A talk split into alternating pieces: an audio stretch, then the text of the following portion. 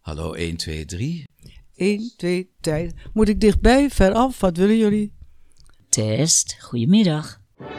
Songfestival Troubadours is terug met een gloednieuwe reeks afleveringen.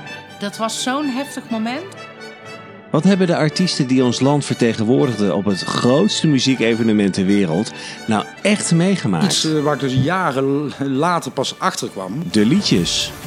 Het was wel mijn grootste wens om, eh, om dat, dat lied naar Dublin ging. De schandalen. Ik heb toen ook toch wel even de politie toch ook eventjes eh, op de hoogte gebracht. En de terugblikken. Ja, leuk hoor dat jullie delen zitten. Het kan nog, het kan nog, maar dat gaat niet gebeuren. Oh, nou, dat weet ik niet meer. In de eerste aflevering spreken Jeroen Smits en ik, Giel Troost, het Nederlands muziekicoon Willeke Alberti. We luisterden niet eens naar de punten, want ik had het gedaan.